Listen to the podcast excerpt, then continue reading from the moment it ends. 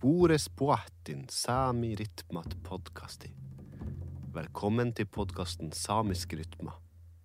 Jeg heter Jakob Jansen, og jeg er en slagverker, produsent og komponist som jakter etter den samiske rytmen. Finnes det samiske rytmer? Eller måter å møtes på musikalsk som er unikt kun for samisk kultur? Dette får vi kanskje svar på i dagens episode.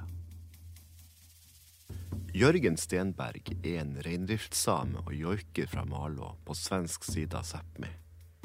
Han är en anerkänd joikeutøver som är en av svært få aktiva umesamiska joikere. Han har klart att finna tillbaka till sin egen familie och naturs joiker. Som joikeutøver har han varit aktiv med både album, konsertvirksomhet och workshops. I 1995 var han en av de aller første samene fra svensk side av Sápmi som deltok i Sami Grand Prix. Han har vunnet konkurransen to ganger, i 2014 og i 2022. I 2013 ble Jørgen Stenberg tildelt Sohkes Umeå sameforenings ærespris for sin innsats for den umesamiske joiken. Prispengene donerte han til det samiske ungdomskoret Vaimoe. I 2013 ga Stenberg ut albumet Volje. I løpet av 2013 og 2014 leda han også det samiske barnekoret Manai Volje, som deltok på åpningen av det europeiske kulturhovedstadsåret i Umeå i 2014.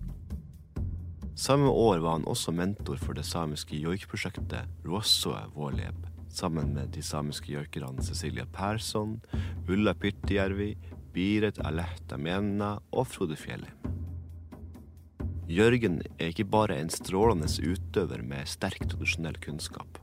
Han har også unik visdom omkring menneskets forhold til naturen, som jeg ønsker å vite mer om.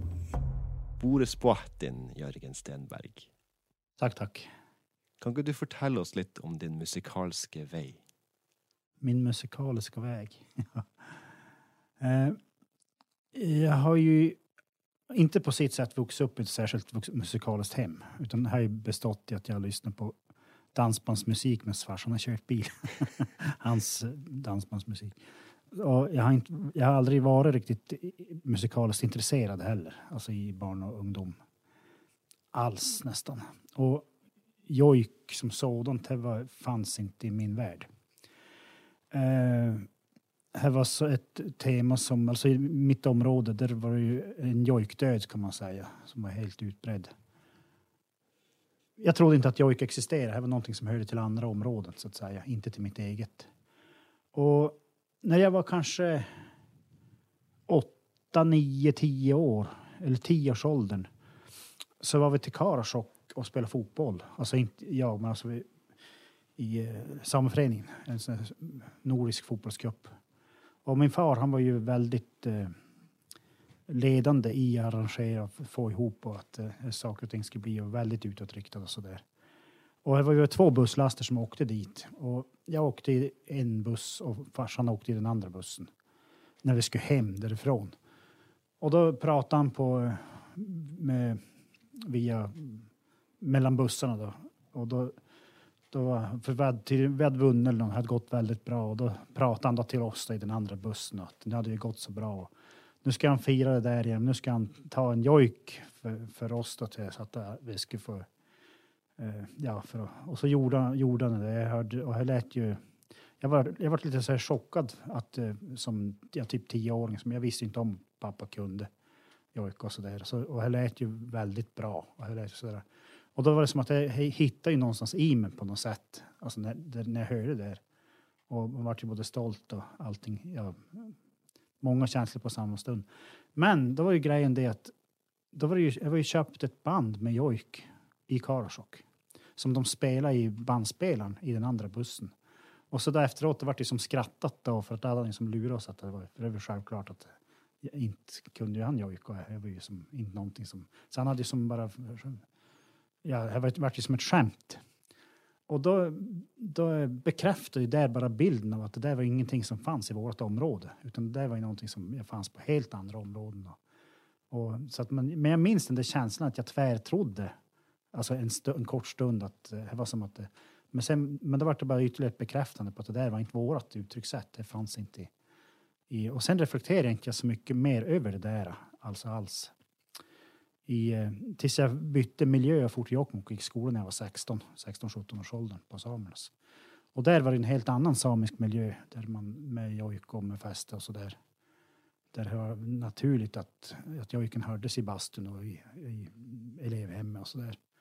Och, och där, där eh, tog jag ju till mig det där i, i, för att det var, jag hade som lätt för det där. Och, jag och så, och så eh, betydde viktigt för, det var viktigt för mig att markera mig i med jojken. Jag tror delvis på grund av att jag är utan språk. Alltså att samiskan har jag, jag, jag inte heller vuxit upp med annat än, än renskötselspråket så att säga.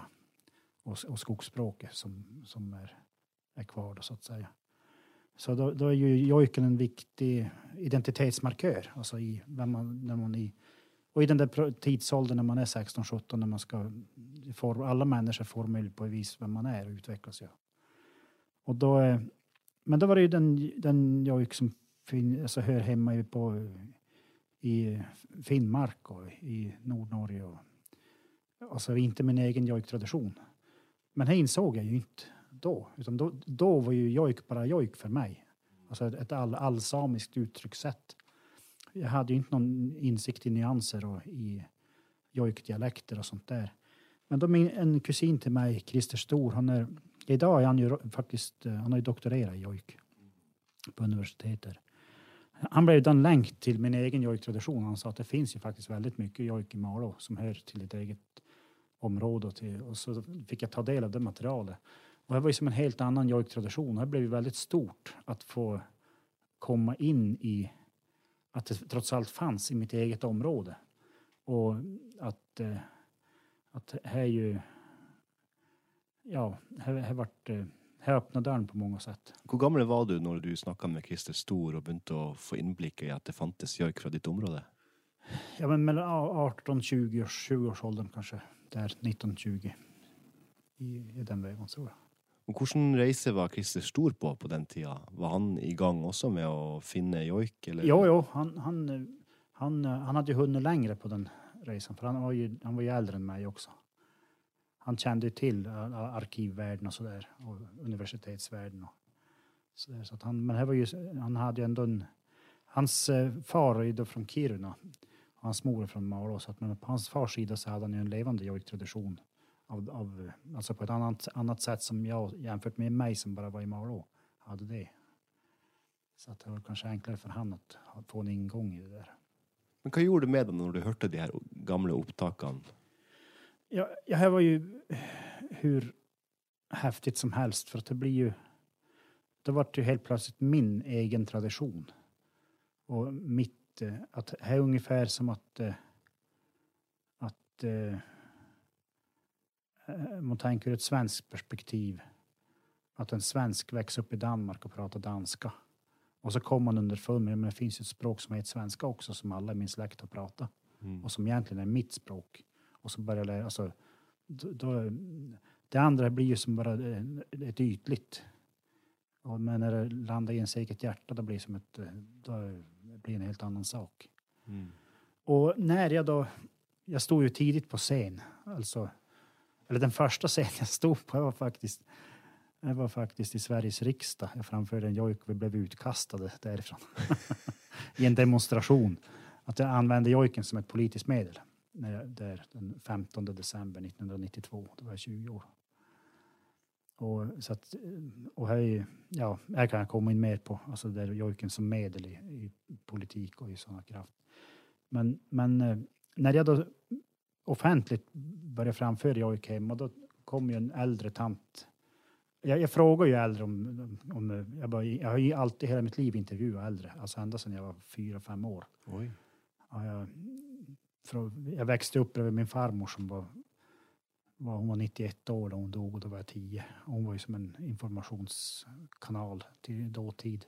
Jag har alltid varit intresserad av sånt där, så jag har alltid intervjuat och frågat äldre människor om saker och ting i hela mitt liv. Och även då om jojken när jag blev, mötte den så att säga. Men jag hittade väldigt lite. Men då var det en äldre tant, hon var född 1918 Och först då, hon kunde inte jojka. Hon kunde inte jojka alls. Men jag skulle få höra de jojkar som hennes mamma kunde. Och så jojkade hon dem. och hon kunde ju. Det fanns ju tra tradition kvar. I, och, och jag, jag dokumenterade dem och spelade in det. Ja.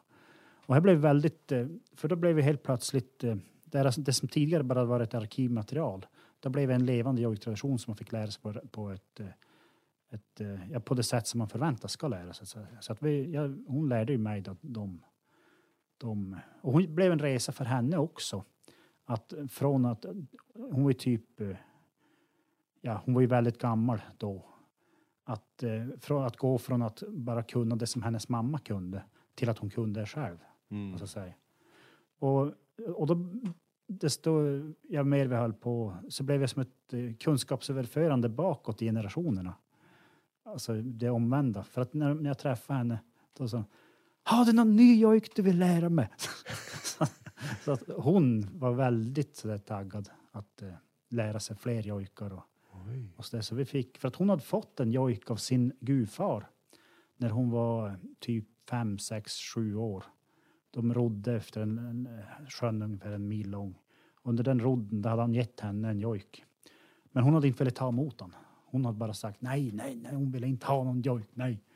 Och han är ju en av de som är inspelade här i Umeå 1910, eller av Carl Thyrén.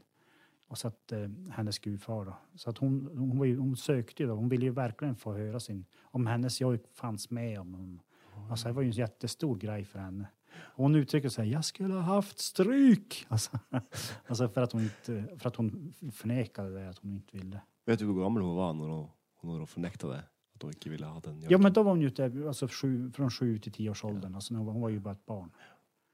Och, och, och så. Så att, så att det är ju som... eh, Och, och då, och även an, andra äldre fick jag en del jojkar av. Alltså så att fragment av den, alltså hela den rika jojktraditionen fick jag med mig, så att säga. Och, och det har ju varit otroligt viktigt, just det där att det inte bara är ett arkivmaterial Mm. som man har har tagit del av. Du kan liksom laga en bro från arkivmaterialet och till din egen familj och se att det, det, det ledde inte så långt bak. Det, är- det är närt. Nej, för då i, i en, en, in- intervju i ett arkiv här som handlar om helt andra saker. Där min farmors, en av min farmors systrar var med. Och de intervjuade hennes man. I, och om andra saker. Och, och han så frågade om han då, det var en som inte som intervjuade men som satt med bredvid. Frågade om, om han kunde någon jojk. Och då, han var ju han var född 1880 och han, intervjun var gjort 1966. Han var ju 86 år då. Och då, då svarade han "Hö, jag har ingen kraft.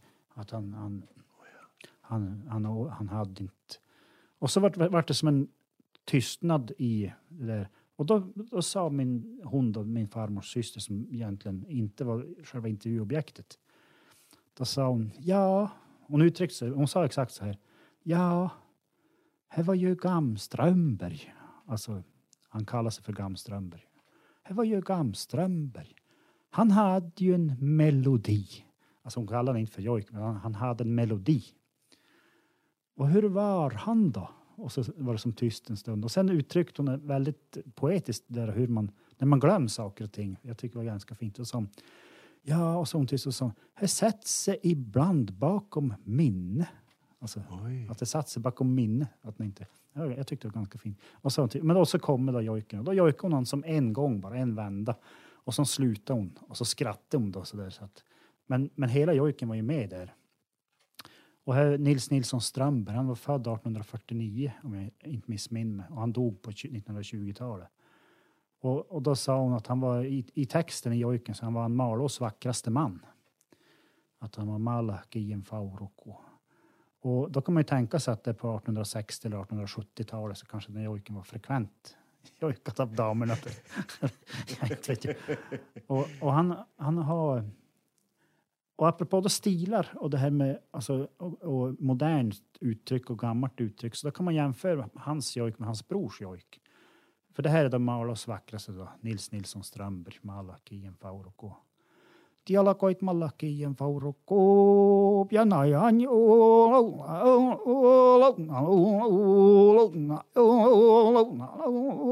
Nilsa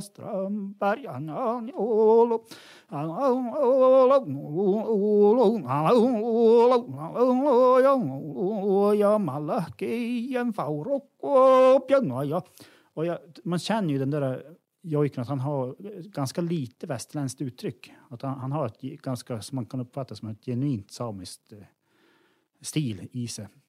Men då hans bror Sivert, som var äldsta bron i den där syskonskaran, de var fyra bröder. Han var född 1846. Och som jag har förstått det så var han ju ganska bestämd av sig. Och ja, på många sätt, men även ganska gladlynt i, i, i det där ibland.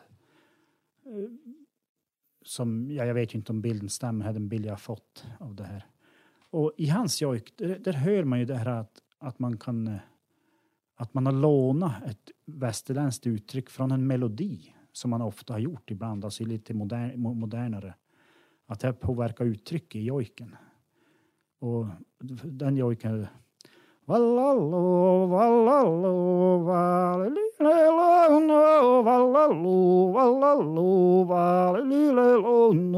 Och, och eh, den där han framför jag ju aldrig på en scen. Aldrig? Nej, nej.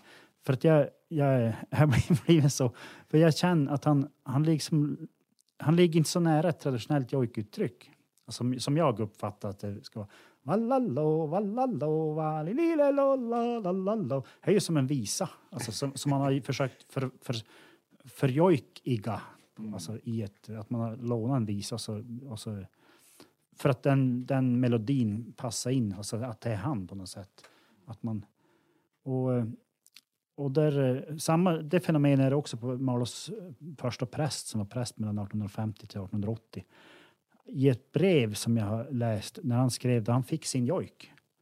Då, då tyckte samerna tyckte att han hade i församlingen tyckte att han hade predikat så bra på en gudstjänst. Så att när han kom ut på kyrktrappen tog de emot han med en jojk, att han fick en jojk. Och då hade de förvandlat en psalm, alltså att, som de har sjungit där, hade de då gjort om till en jojk. Alltså, så att det var egentligen som en psalm, fast som jojkades och då i text, alltså de, med, med hans, då, den text, alltså de la i, alltså beskrev han i det här brevet. Wow. Och så att eh, egentligen är det naturligt att alla människor, alltså kultur påverkas ju av, av kultur, alltså uttryck och så där. Men, men eh, i platsjojkar och i djurjojkar så hittar jag mer sällan det låneuttrycket från ett västerländskt. För att, och jag, jag tänker själv att de kan ju vara hur gammal som helst, lika gammal som landet självt är, eller människan. Att eh, där, där är det, för de människojojkar som är knutna, de är ju knutna till en viss tidsperiod. Och, och till exempel jojken idag, han är ju mer påverkad av nordsamisk jojk. Alltså eftersom att man och alltså man tänker traditionell jojk. Och när jag gör, alltså när jag gör en ny jojk så påverkas jag av det som är i min värld så att säga. Och min värld är mycket större än vad han var för en människa som var född 1638. Mm. Men du är ju en joikeartist och du har eh, ofta konserter och, och spelar runt omkring.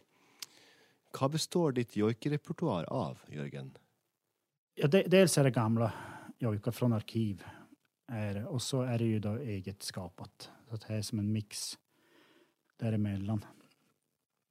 Och eh, jag, jag, jag har ju... Det finns ungefär 40 jojkar från Malå i det här gamla arkmaterialet. Och i Karl Theréns som är han upptecknad på 1910-talet, där är det bara tre som man kan lyssna på. Alla andra är bara noter. Och där har jag haft ett, eh, ett eh, ingående arbete, försökt tolka de där jojkarna till, ur noterna. Och jag, är lite, jag kan ju inte noter själv så att, eh, jag får ta musiker till hjälp med det där. Och vissa jojkar, de går inte att översätta från noterna. För att det är, för notbilden är ju bara som ett skelett. Det går som inte sätta liv i om det är för glest skelett helt enkelt. Det blir egentligen bara en ny komponering så att säga. Medan andra som är kanske mer tydligare melodiösa så är enklare att, att eh, tolka fram. Och, och här var det viktigt för min del att eh, det finns ju en, ett klientel, eller en kategori allsamiska jojkar som är, hör till alltså, var som helst. Och jag har försökt att inte hamna in i att, att jag vill vara mer i mitt eget område. Mm. Som, men jag hör ju de jojkar som jag har gjort själv, att jag ibland påverkas man ju av annat. Alltså i, i det. Fortell oss litt om din joiketradisjon, Jørgen. Du snakka litt om at den er litt annerledes enn den nordsamiske joikestilen. Jo, jo, men här är ju... Hvor, hvor er vi geografisk? Altså, vi er Jag var i eh, mellan Vindelälven och Skellefteälven, eller norr om Umeälven. Mellan Umeälven och Piteälven skulle man kunna säga som ett stort geografiskt område. Skellefteå, Arvidsjaur, Malå, Ammarnäs, Arjeplog. Det är alltså i, som ett stort helhetsområde. Och man har ju... Är ju dels är ju lite svårt att säga, för det är ju inte några generella sanningar, det som jag säger. Utan det är ju, kan ju vara bra att ha med sig. Men det är ju ytterst lite jojk, alltså från det nordsamiska området som är ja, ja, ja, ja, ja, ja, alltså där man uttrycker sig så. Ja, ja, ja, ja, ja, ja, ja, ja, ja, ja, och na, na, ja, na, ja, oj. Eller välle, velle, velle. Utan de så kallade jojkorden, eller vad man ska kalla dem, jojkuttrycksorden, de är ju lite områdesrelaterade. Och är också det som uttryckte de här olika dialekterna inom jojken. Att man hör på dels, ja, förutom själva stilen då, att, eh, men vilka slags jojkord man använder. Och eh, valla är ju ett vanligt i, i mitt område. Vallan ajo, valla, vallan ajo, valla, vallan ajo, valla, valla. Eller Valla, valla, valla, ajo, valla, valla, valla, ajo, valla, valla, valla, ajo, valla, valla, valla. Eller ett annat. Oj, ololajan, no, oi oj, oi, oj, o, oi oj, oi o, o, ololajan, Eh, ja. Och där, eh, där blir det som en skillnad gentemot eh, till exempel ja, men när man hamnar lite längre norrut. Är ju, och det är det som är... Vi är ju olika ja, alltså, i, vad gäller det kulturella, i allting, både med kläder och med språk och med... Och så självklart är det ju så även med jojken, alltså att vi bär ju våra... Och då kan man ju tänka att det där är, att det är från människan skapat. Men jag tror ju varken språk eller jojk är ju en kommunikation som inte enbart är mellan människor. Det är ju en kommunikation med marken också. Och för att marken och människorna ska förstå varann så måste man ju ha en, en, prata ett språk som, som och på det sätt som är, marken vill tilltalas. Och att jag, jag, I min tanke så påverkar även det hur olika språk och dialekter växer fram. Och olika uttryckssätt och jojk och sånt där. Att vi fastnar lätt i ett, eh, att människan är norm och att den här kommunikationen är bara ett mänskligt uttryck mellan människor. Men så är det ju inte. Utan eh, jojken han är ju ett... Eh, man, man kan ju inte prata på ett sätt om, om man ska prata till... till om man kom till Tyskland till exempel och ställs sig och pratar svenska, då är det inte så många som förstår en där, utan där pratar man ju tyska. Och det är samma sak om man kom till våran dalgång eller till det här, då måste man ju prata så på ett sätt så att berg eller fjäll eller den marken förstår en. Och jag, jag tror att i mitt, i mitt tankesätt så är det en del i hur språk och uttryck har vuxit fram. Och utifrån det så blir det så viktigt också att man bevarar eh, de olika alltså särarterna och dialekterna i jojken. Och att det är som ett, som ett filosofiskt förhållningssätt till just det här. För att man ska vara hel som människa så måste även marken vara hel och att man förstår varandra på det sättet. Så att det är som ett, ett djupare eh, ingångsvinkel i det hela. Och för, för, för, för, att förklara behovet av de här, att man har jojkkurs för barn med umesamisk jojktradition till exempel. Att det är ytterst viktigt ur många perspektiv. For du, du har jo jobba aktivt for uh, ivaretakelse av joiketradisjon. Og holdt foredrag og kurs og workshops for barn unge. Og, og och jobba aktivt. Så för dig så är joiken något större än bara musik. Jo, jo, jo. Ja. Och här är ju, här är ju ja, dels för eh, ja, ja, ur det mänskliga perspektivet och det där som jag nu sa. Men det här ju handlar ju också om en rättighetskamp. Att eh, strida för rättigheter, det är ju inte bara att man, att man är eh, eh, ockupera lokaler i Oslo. eller, alltså, eller att man står på barrikaden så att säga med plakat. Det är ju lika viktigt det här att man lär barn jojk. Att man, att man, för, att man stärker ens kulturella uttryck. Och det, där. det är ju en del i en rättskamp. Mm. För vad, vad har vi för behov av, av, av urfolksrätt om vi blir svenskar? Om vi blir norrmän? Så att jag ser det som en del i att vara, att vara aktivist eller att vara, agera politiskt eller en rättighetskamp. Att man har en kurs för femåringar Mm. där man ger dem en väg in till sin egen kultur. Hvordan upplever du det när en femåring joiker? Jag kan berätta en, en jag hade ju en, en kurs, eller det var inte en kurs, vi, vi Eh, ja, eller det var ju kurs, men vi, vi bildade jojkkörer, barnjojkkörer inför eh, Kulturhuvudstadsårets invigning 2014 i Umeå. Och då var det körer, lite, alltså fem, sex körer runt om i, i länet. Och åldern på dem var mellan 6 till 14, 15 år tror jag, de där ungdomarna. Och på en av de där tillfällena så var det två pojkar som var i sexårsåldern. Och det är ju lite en svår ålder, alltså man har ju inte fokus så länge. Och så att de, de tappade fokus ganska fort. Och så for de och satte sig som i ett hörn och lekte och sådär. Och, och, och där lärde jag mig också någonting som, alltså det här med det pedagogiska som lärare. För att då, när, när barn och ungdomar så här, inte tar till sig utan är ointresserade, då, då tänker man lätt att ja, men nu var jag dålig lärare. Alltså nu lyckades inte jag nå dem. Och så for de för sig själva och så hade vi då den där sessionen och, det var klart. Och sen när det var paus och vi gjorde något helt annat. Då satt de där två pojkarna som hade suttit med ryggen mot allting som skedde och gjort något helt annat. Då satt de och pratade sinsemellan. Har du hört den här jojken?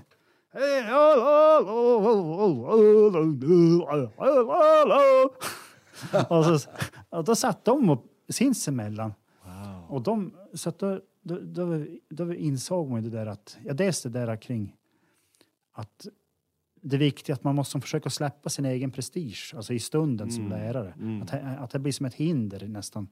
Att man ska ha bekräftelse hela tiden, att jag som lärare ska ha bekräftelse. Här, här, här är farligt, alltså att man fastnar i det. Och det är ju lätt gjort eftersom att människan vill ha bekräftelse. men, men också det där, just apropå det du frågade om, den här känslan. Att det är ju ett av de största ögonblick som jag någonsin har upplevt.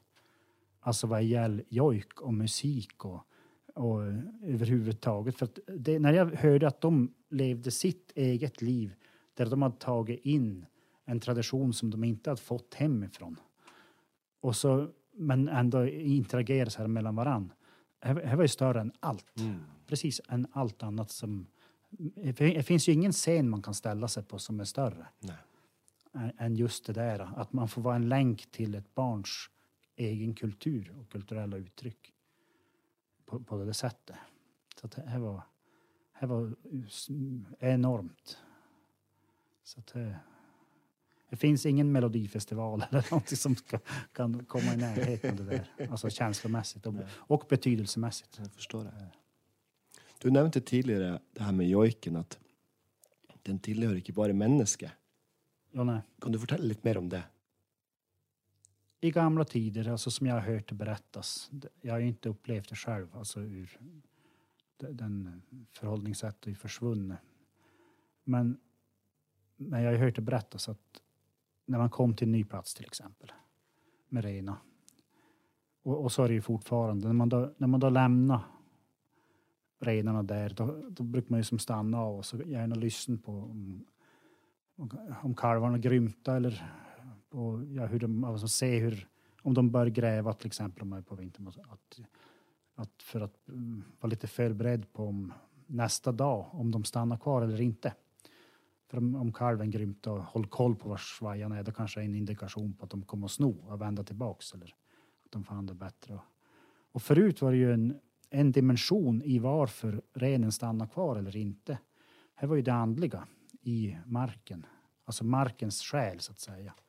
Och vissa platser skulle jojkas för att just den platsen skulle ge betesro till renarna i det här fallet. Så skulle, det, då skulle den platsen jojkas. Och eh, för att eh, Ja, för att alltså, en del i, i förhållningssättet till renen och till sig själv och till marken. Och att man ska fungera, att man ska klara sitt område så måste man kunna kommunicera med marken. Och, och, och det där. Och, och här var ju i, då var det ju ett naturligt, alltså eftersom man hade ju, man var ju en del av en helhet som var större än bara människan. Att människan ska ropa till varandra eller säga åt renen nu stannar ni här. och, och, hoppas att renen förstår det. Alltså, eh, där är ju, marken är ju en del i, i den processen. Och, och, och har vi ju tappat kanske i många sammanhang, alltså i, i, på olika sätt. Och där, där kan man ju inte, om man skulle ställa sig där och, så, och framföra alltså en jojk som hör till en annan plats som är 60 mil bort. Om man tar liksom just det här med att man anammar en jojkkultur som kom från eh, Finnmark eller så att säga. Då, då har du inte en kontakt med, med marken. Då blir det blir bara ett ljud som inte marken förstår. Så att det här eh, så att just jojken han växer fram i en, precis som språk eller med, är ju en, en, en, interaktion mellan olika parter så att säga. Och i det fallet så är det människan och marken och platsen. Och när man då ser ur, ur de här gamla platsjojkarna som, som, man, som finns i arkiv när man då lyssnar på dem där och lär sig dem, då är det ganska stort faktiskt för att den platsen, han finns ju ofta inte kvar idag. Den, den platsen eller det berg eller som Smalaken till exempel.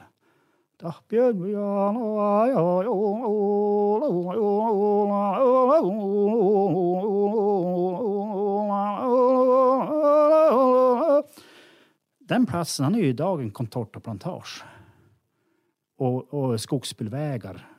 En, ett grustäckt. Alltså det moderna har ju förändrat hela platsen och platsens själ har ju förändrats. Och så att om man skulle skapa en jojk idag till den platsen, då skulle ju inte han låta så. För att det är ju inte den platsen idag. Men genom de här gamla jojkarna så får man ju som en insikt i hur platsen egentligen är. Om man jämför med en människa till exempel som har blivit konsekvent våldtagen, utsatt för sexuellt våld och, och, trauma på olika sätt. Det förändrar ju en människa också. Och att man, man, man kan bli en, en annan människa om man utstår för sånt under lång tid. Precis som platsen också förändras och dens eh, själ förändras.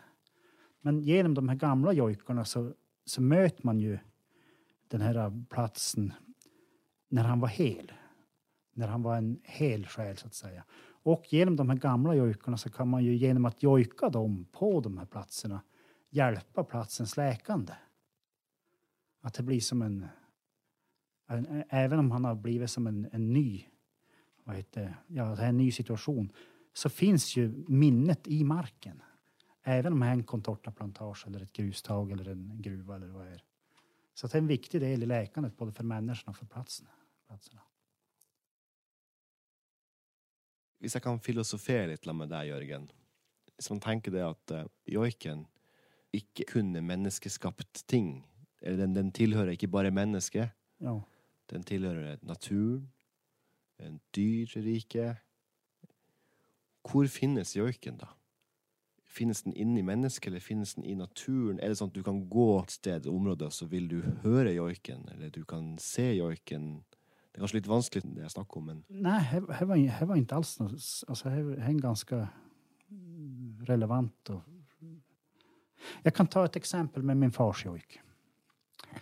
Det här uh, eh, som ett exempel.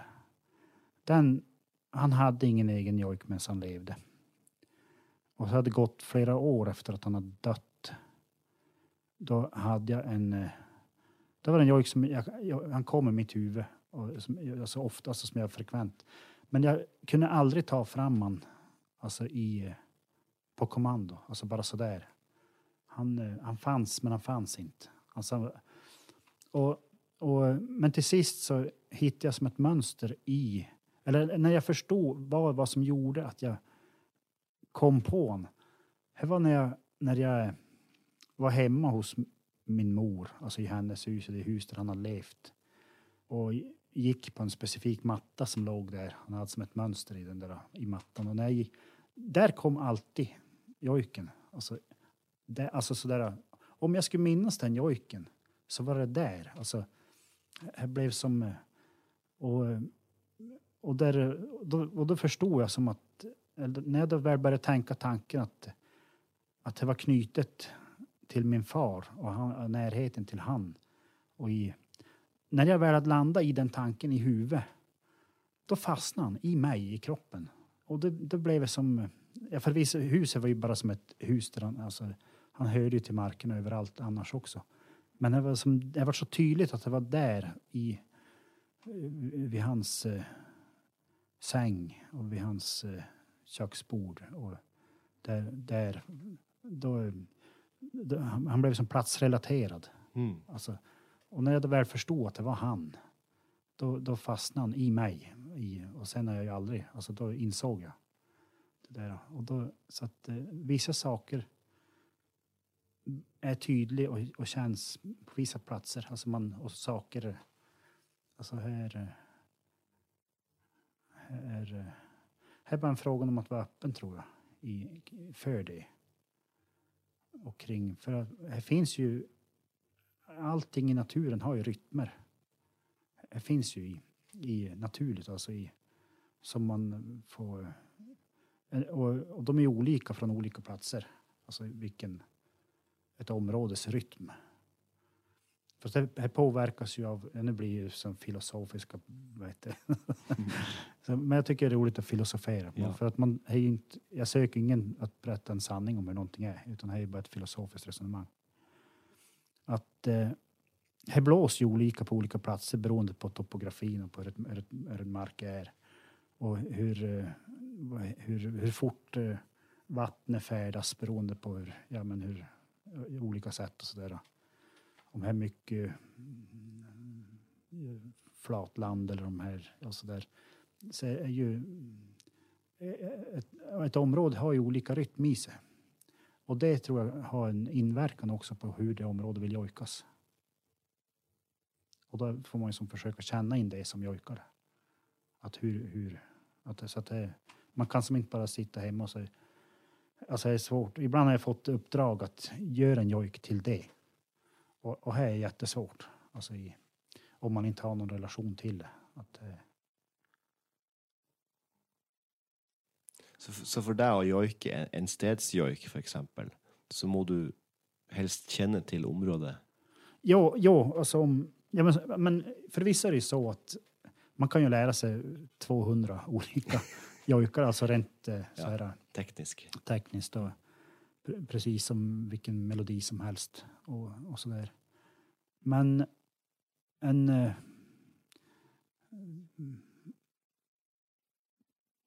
Ska man komma på djupet med att förmedla den, den platsen så då bör man känna platsen. Att eller i vart fall lärt sig jojken av någon som känt. Alltså att Mm. man, behöver inte, man kan ju lära sig av andra människor också, uttrycket så att säga och känslan. Här, förs över mellan människor också utan att man har varit på platsen så att säga. Mm. Så att, men det är viktigt att, att bara... Eh, annars blir det bara ett, ett ljud på något vis Ikke sant? som är... Och där, och där ju apropå bara ett ljud, så är det ju ett, må- måste jag komma in också på att det är ett dilemma i det här med, med jojken. Att eh, vad är skillnaden mellan jojk och, och sång? Och, och, eh, för att det är ju, det är ju skillnader. Men om man tänker den här en Bibapalula, she's my baby. Bibapalula, she's my baby. Är det en jojk? Nej, det är ju inte en jojk. Lo-lo-lo-lo-lo, lo-lo-lo-lo-la, lo-lo-lo-lo-lo-la. Är det en jojk? Alltså att man... Eh, ibland i dag så kan det vara lite grann så att man eh, lånar ett västerländskt uttryck i modern jojk men sätt ett lå. Och, och så blir eh, samisk musik och, och det är det ju. Alltså det är ju ett samiskt uttryck och ett samiskt uttryckssätt. Men vägen till ett traditionell jojk är ju längre än så. Och där måste där, där, man måste ju besjäla uttrycket i att från lalalala till Alltså i, så att, att, eh, som landar i det traditionella, i tradition. så att säga. Och där är det ju en problematik kring, alltså jag har själv känt när man har satt musik till jojk, att ofta så är ju jojken periodiskt kan vara längre än vad en västerländskt uppbyggd musik är. Att de passar inte ihop. Alltså man måste korta av jojken lite grann för att den ska passa in periodiskt. I, i, och, om man inte, och när man gör det så, så tappar man ju lätt en dimension i det här. Som gör att, och det är ju ofta också den enda vägen till att lära sig jojk för många idag, är att lyssna på jojk, alltså modern jojk i ett modernt sammanhang. Ja. Och så tror man att det är traditionell jojk. Och så jojkar man Och så tänker man att det är det som är det traditionella. Och så tappar man de här dimensionerna som den traditionella jojken bär. Så det är som en utmaning. Men, men eh, samtidigt är det inte något problem heller för att musik utvecklas ju. Och att samisk musik utvecklas ju i möte med annat är ju helt självklart. Men man måste kunna diskutera om de här skillnaderna mellan traditionella och det moderna så att säga. Det är viktigt att vara klar över forskjellene som Ja. finns. Och det är svårt att vara klar över det eftersom att eh, skiljelinjerna är ganska flytande. Ofta. Att det är som, är som inte... Är inga, inga enkla sanningar i det där. Hvis vi tenker på det du sa om um, joik og dens kontrast med storsamfunnets rytmikk og joikens rytmikk, er joiken fri?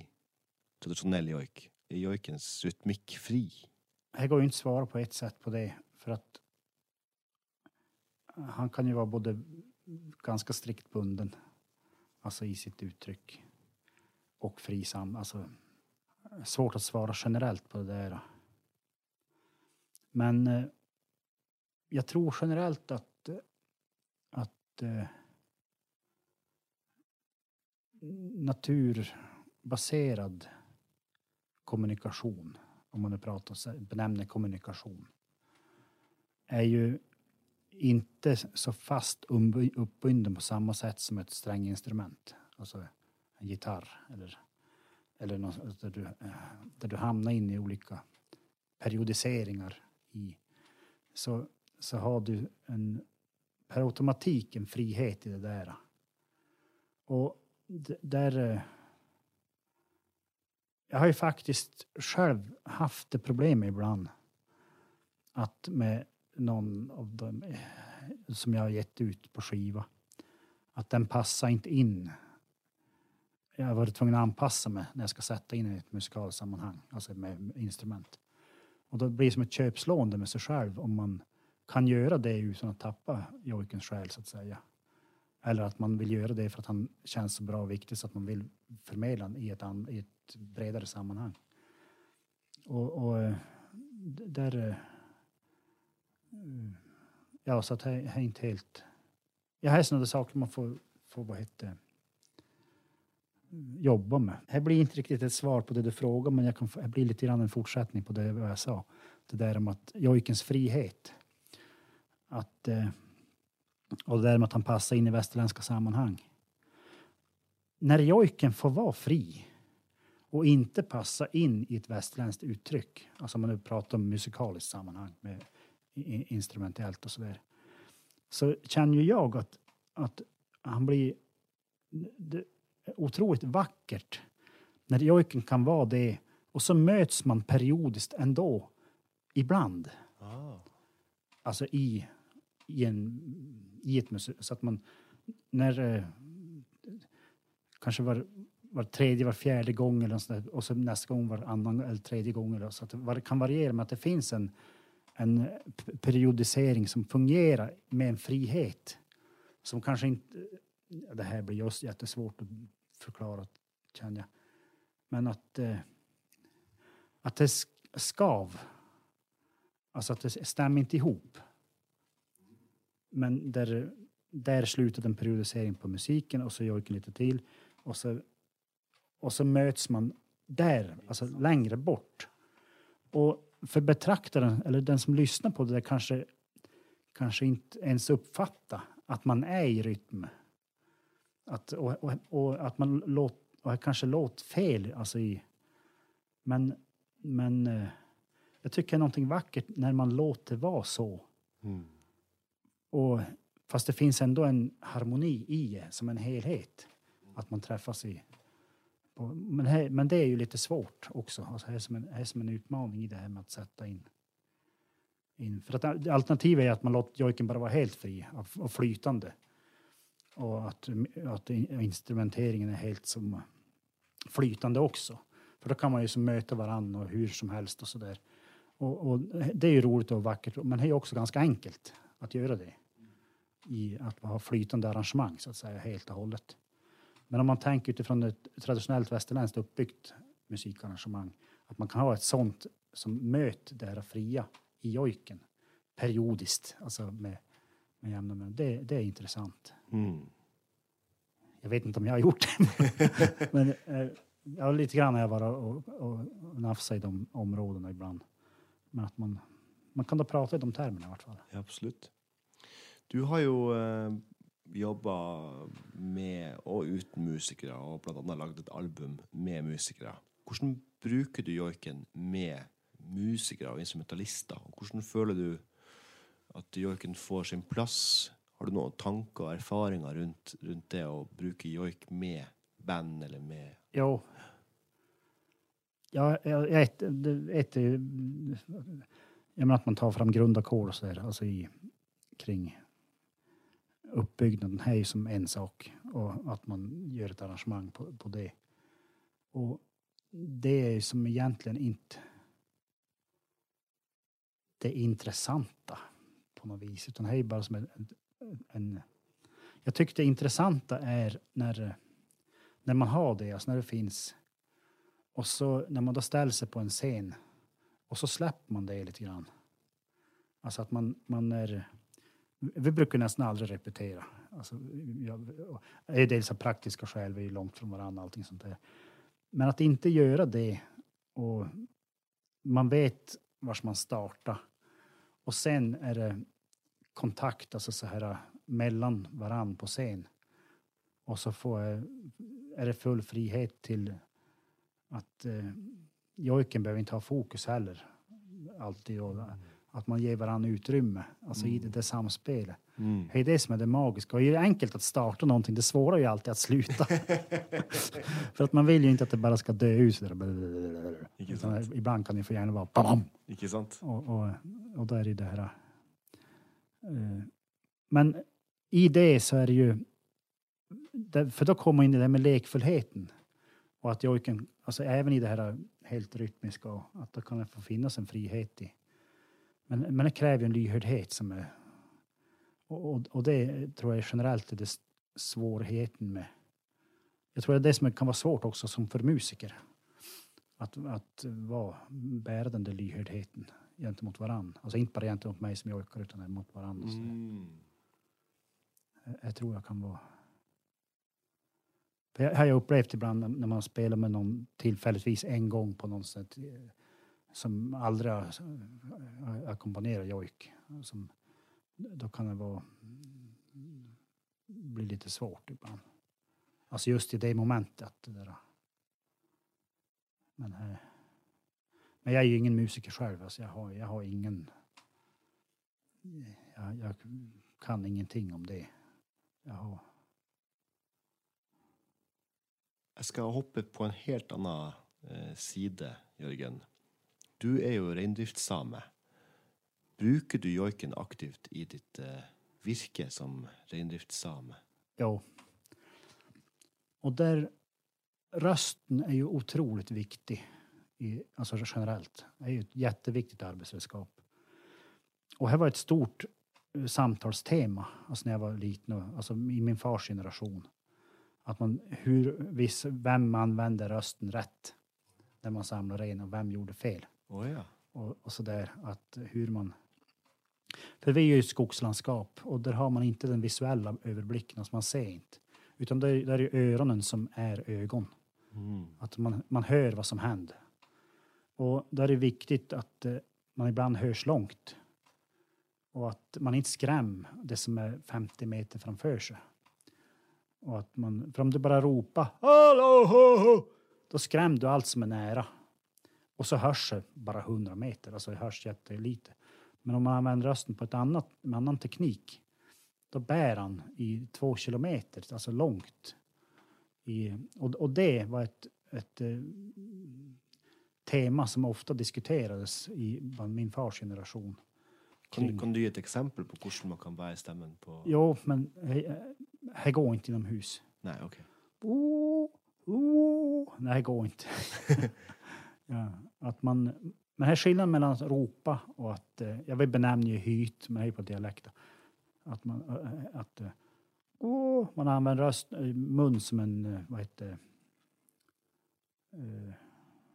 sån här, blir- man ska låta som en gök kan man säga. En gjøk? Jo. För göken han hörs ju väldigt långt ja. och har ju som ett mjukt läte. Og hva som skjer når du gjør det ute i din, ditt område? Kommer ren? Nej, nej, nej, inte, Nej. det är inte för att, han ska... ko- Nej, inte, man lockar inte. Utan det är när man ja, dels driver på det när man går och samlar, men också kommunicera med sin kollega vars man är, så att man hör vars man är och, och så där. Och så, ja, i, i, i fjällmiljö då hör man ofta det mer ren ropar. Hu, hu, ah, ah, ah, att man driva på ren med sådana ljud. Alltså, ha, ha, att, ja, så där. Och där, "Åh!" att man ropar så att säga. Och, men det där, är- och det där är ju lite, det är ju inte jojk, alltså så sett, för att det är ju, är ju annan teknik än, än, än jojk. Men just det där apropå, apropå rösten som arbetsredskap. Och där har ju, istället för ropandet så har ju jojken varit helt självklar även i det förut. Och, och, och det är ju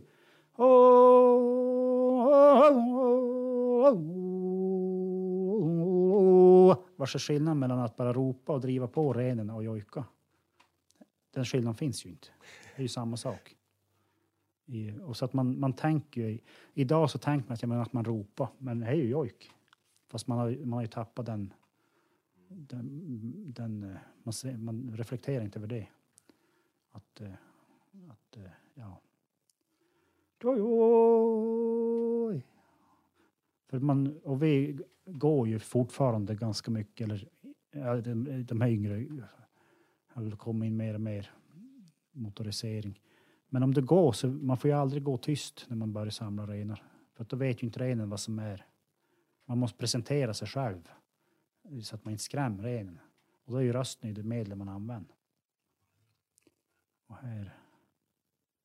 Jag, jag har faktiskt gjort en rensamlings... Jag kallar den för rensamlingssymfoni. Wow! Lite sådär eh, pretentiöst kanske att kalla för det. Men just det där med rytmiken och, och, och så jag spelat in äldre renskötare hur man, hur man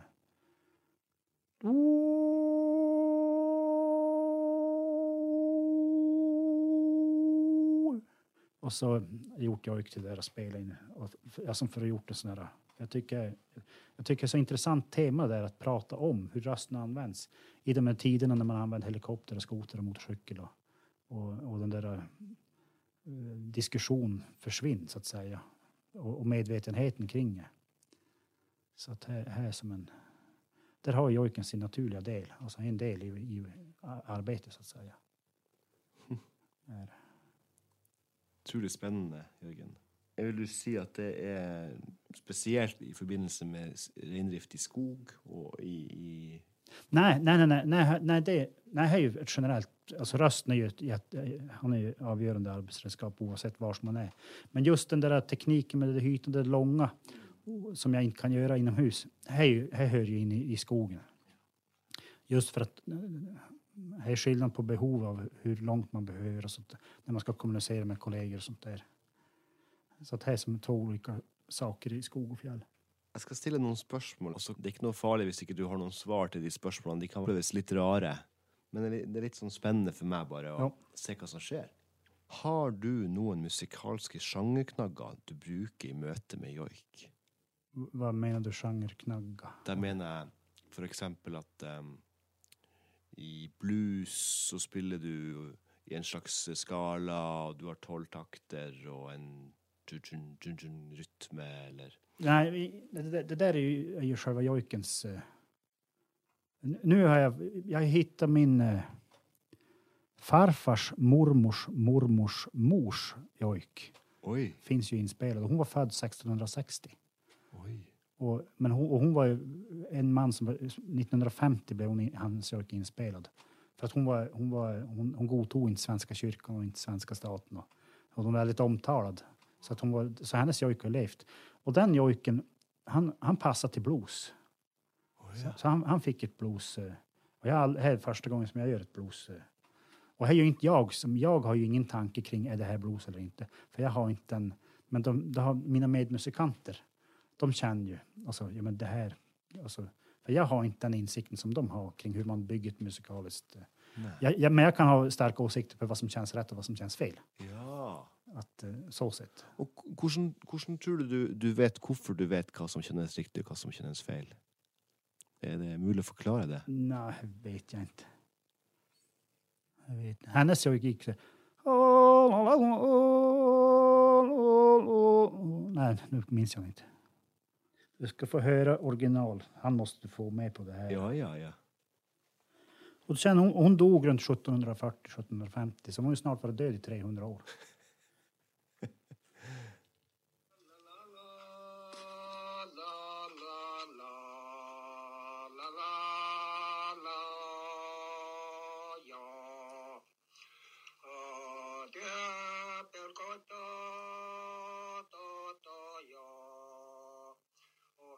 jalan ya Allah ya rock var.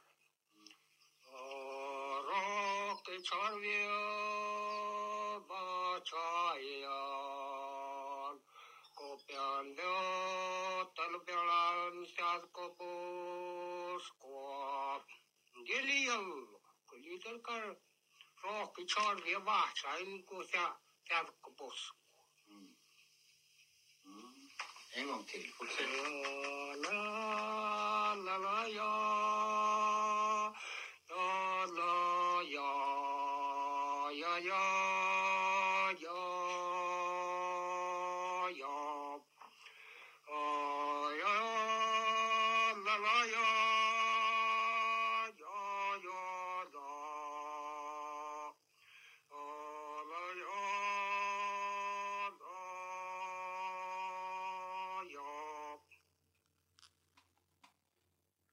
Spennende. Ja, visst är han? Där är han häftig. Veldig heftig. Jag tycker han har som en liten annan... Där. Och där han blir en blues. ja, absolutt, altså.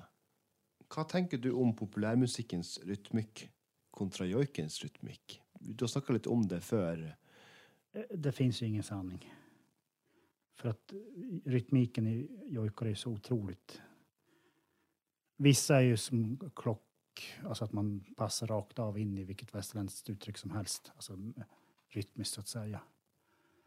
Men eh, ibland när jag har gjort någon egen jojk eller sånt där och så då, när det inte har stämt in i...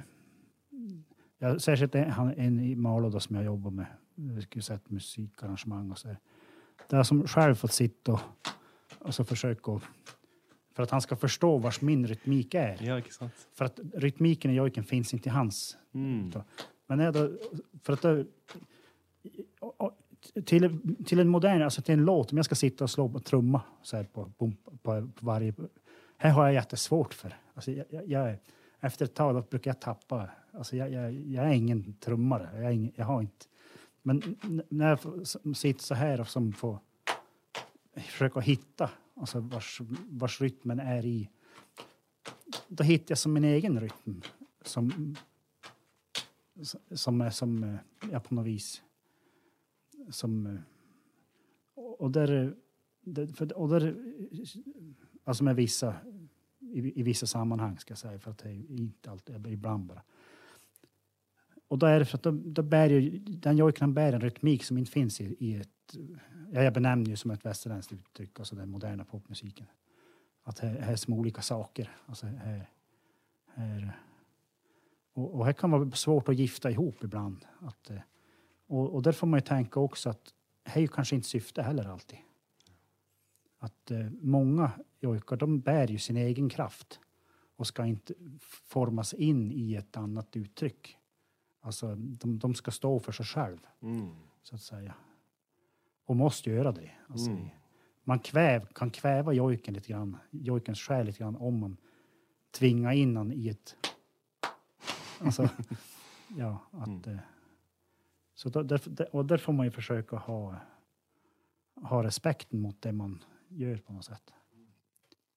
Samtidigt som man måste ju få leka och utvecklas. Alltså, är som... är Inget, inget facit riktigt. Hva er oppskriften for et godt musikalsk møte mellom eh, storsamfunnets eh, rytmiske musikk og joik, Jørgen? Jag vet vad ett dåligt möte är. Jag kan börja där. Ja. Här när man har gjort ett musikaliskt arrangemang och så säger man jojka till det här. Och här är ganska vanligt faktiskt. Alltså att, man- att det görs. Ett, kan- du lägga in jojk här? Alltså till, alltså, och då blir det som att man, eh, man gör vilken låt som helst och så ska man bara lägga på en sångslinga till något sånt där. Och då är det ju musiken som är utgångsläget. Mm. Alltså till 100 procent. Mm. Och då blir jojken. Alltså väldigt lätt of, ofta på det sättet. Och, här, och här är ju ett, ett typexempel på ett dåligt möte mellan traditionell jojk, om man pratar traditionell jojk. Utan att mötet här måste ju ligga i att man, man, man eh, att jojken får vara lite grann ett utgångsläge till det som skapas. För att eh, om, om musiken blir utgångsläget, då, alltså det, det minsta lilla, då hamnar jojken automatiskt in som en anpassning till, en, Mm. till en färdig mall. Ikke sant? Och, och här, eh, så att här, eh, att försöka utläsa den rytm som jojken har när man framför den, alltså utan instrument. Och så försöka bygga någonting utifrån den rytmen, Mm. oavsett vilken rytm det är. Men, men man måste ju ofta anpassa det lite grann alltså på något sätt. Och, och det är där det, det skapandet, alltså, för att som jojkare måste man ju också möta musikern. Mm. Alltså i, i, alltså det är det som är ett möte. Att man, man möts och skapar ju delvis någonting nytt. Då. Men, men finns ett musikarrangemang från första början, grunden, då, då blir det inget möte. Då lägger man bara på ett ljud, så att säga. Tusen takk for at du Ja. tok deg tida, Jørgen. Ja, och sånt här är roligt att prata om. Vi kunne jo sittet her i flere timer og prata mer. Er det noe du tenker vi burde ha, du burde ha sagt, eller vi burde ha snakka om? Jo, jag, jag var inne på delvis det. Jag sa första gången som jag framförde jojke var i en demonstration i riksdagshuset. Ja. Vi måste bli bättre på att använda oss av jojken som sådant i politiska syften, som ett maktmedel och som ett påverkansmedel. För att det har jag sett när man i olika politiska sammanhang när jag var alltså helt utanför, utanför det samiska. Om jag inleder med en jojk, alltså det första jag gör innan jag har sagt någonting, alltså när jag ställer sig i ett podium eller vad det än är, då, då har man öppnat upp kontakten på ett annat sätt till den som lyssnar än om man bara pratar till dens hjärna. Mm. Alltså, det här är ett medel att, att nå andra människor. Och sen är det också, ha- handlar det också om att sätta eh, vad som är normen och vem som har tolkningsföreträde kring hur man kommunicerar. Mm. Jojken är ju ett naturligt eh, kommunikationsmedel. Mm. Men i ett svenskt eller ett norskt sammanhang så där är ju jojk underhållning. Alltså man ser på det som kanske underhållning. Men det är ju självklart att om jag ska... Om, eh, om man i en förhandling i en domstol som till exempel nu i Fosen som ett exempel. Där med vin, då ska man ju, alltså, det, det är fjällets jojk. Ska ju jojkas där som en, det första man gör, alltså i, som en del i, i presentationen av ens sak och så där. Och, och där fastnar man lätt in i, i det här eh, att man på ett västerländskt sätt bara ska använda orden och så använder man inte sina egna kommunikationsmedel som, eh, som är egentligen är grunden. Och, det- och är ju tack vare att, att tolkningsföreträde och normen kring hur man kommunicerar är norskt Mm. eller svenskt. Mm. Och där, där att använda jojken som ett medel i, i rättskamp och i allt det där, hej, där, där måste vi bli bättre. Och så där.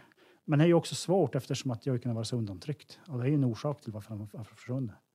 Alltså att, eh, att han inte används. Eh, Alltså, men där, där måste vi medvetet bli bättre. Alltså, och, och, hoppas jag. Alltså, jag försöker bli, alltså, göra det.